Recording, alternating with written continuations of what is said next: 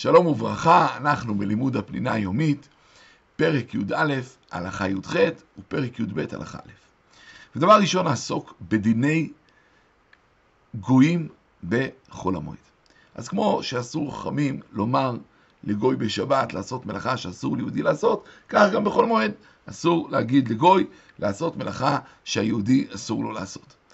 ואפילו אם אדם אומר, רגע, אבל אם אני לא אזכור עכשיו את הגוי, אחרי זה יעלה קצת יותר, עדיין זה לא נחשב דבר אבד, כי אתה לא מפסיד ממה שיש לך, אתה רק פחות תרוויח אחר כך, ולכן ממילא זה אסור.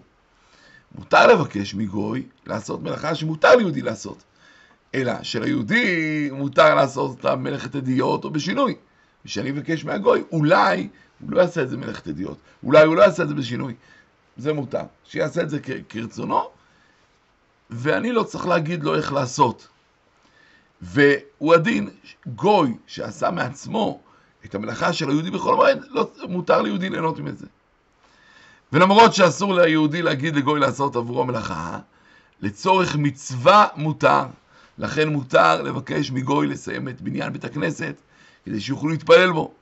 אלא שהדבר הזה הוא נתון בשני תנאים, ואולי נוסיף עוד דבר, מותר לתת לגוי עבודה לפני החג. בתנאי שיש את שני התנאים שנזכיר. מה הם שני התנאים? אחד, שהגוי יעבוד עבור עצמו. כלומר, הוא עובד בקבלנות, וממילא הוא מחליט מתי לעבוד, מתי לא. או שהגוי שותף ברווחים, ואז הוא עובד בשביל הרווחים שלו. ודבר שני, שזה תהיה עבודה שלא רגילים לעשות אותה בשכירות. כדי שהרועים לא יחשדו שהיהודי מעסיק את הגוי בשכירות. עכשיו, מכיוון שהיום נניח בניית בתים עושים בקבלנות, מותר שגוי ימשיך לבנות את הבית של יהודי בחול המועד. סחורה שאסור ליהודי לקנות במועד, אסור גם להגיד לגוי לקנות עבורו את הסחורה. ואפילו אם הוא יגיד את זה לפני החג. אבל מותר להגיד לגוי, תקשיב, תקנה לעצמך, אחר כך, אחרי החג אני אקנה ממך את זה, באופן שישתלם לך. זה מותר, ויותר מזה, מותר אפילו להלוות לו כסף כדי שהוא יקנה. מותר לתת לגוי מלאכה בכל המועד על תנאי שיעשה אותה אחרי המועד. ובלבד שלא ישקול ולא ימדוד ולא ימנה את הדברים שבהם העבודה תעשה. ואם אחר כך גוי הפר את הסיכום ועשה את זה במועד, לא צריך למחות בידו, כי אנחנו התנינו, מה שהוא עושה זה כבר עניין שלו.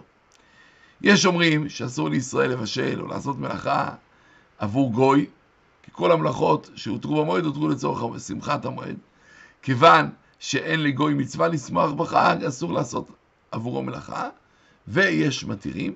למעשה, כאשר יש צורך גדול, משום קידוש השם או מניעת איבה, מותר לעשות עבור גוי מלאכה בחול המועד. ומכאן נעבור להיתרי המלאכה בחול המועד. וההיתר הראשון זה אדם שאין לו מה לאכול. מותר לו לעבוד. ומדוע? כי כל המגמה זה שאדם לא יהיה לו טרחה ויוכל לשמוח, עסוק בתורה בנחת, אבל מי מאדם אין לו או לבני ביתו מה לאכול? הרי זה ברור שהוא נמצא במצוקה גדולה ולא יכול לשמוח. לכן אם אלה מותר לו לעבוד כדי לקנות את צורכי המזונות של בני משפחתו.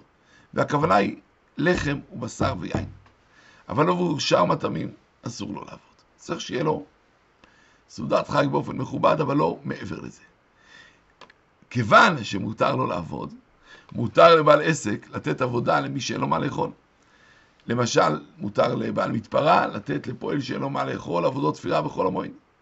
ולמרות שגם בעל המתפרה מרוויח מזה, כל זמן שעיקר הכוונה שלו היא לתת עבודה לאותו פועל שאין לו מה יאכל, זה מותר. הוא הדין שמותר לבצע פעולות מסחריות וכיוצא בזה. מי שאין לו מה לאכול, ויש באפשרותו לקבל צדקה כדי לקנות מזון לחג, אף על פי כן רשאי לעבוד בחול המועד. כי יש מעלה גדולה שאדם לא נזקק לצדקה. ולא מחייבים אותו למכור רהיטים וחפצים כדי לא לעבוד. אלא מכיוון שאין לו כסף לקנות מאכלים בסיסיים למשפחתו, רשאי לעבוד כדי צורכי אכילתו.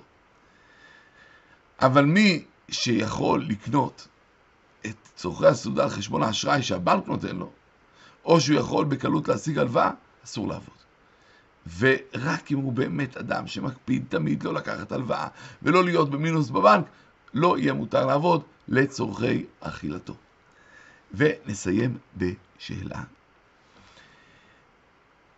האם מותר לומר לגוי לעשות עבורי מלאכה שאסור לי, לי לעשות אותה בחול המועד, כאשר אני אומר לו את זה לפני המועד? שלום, שלום.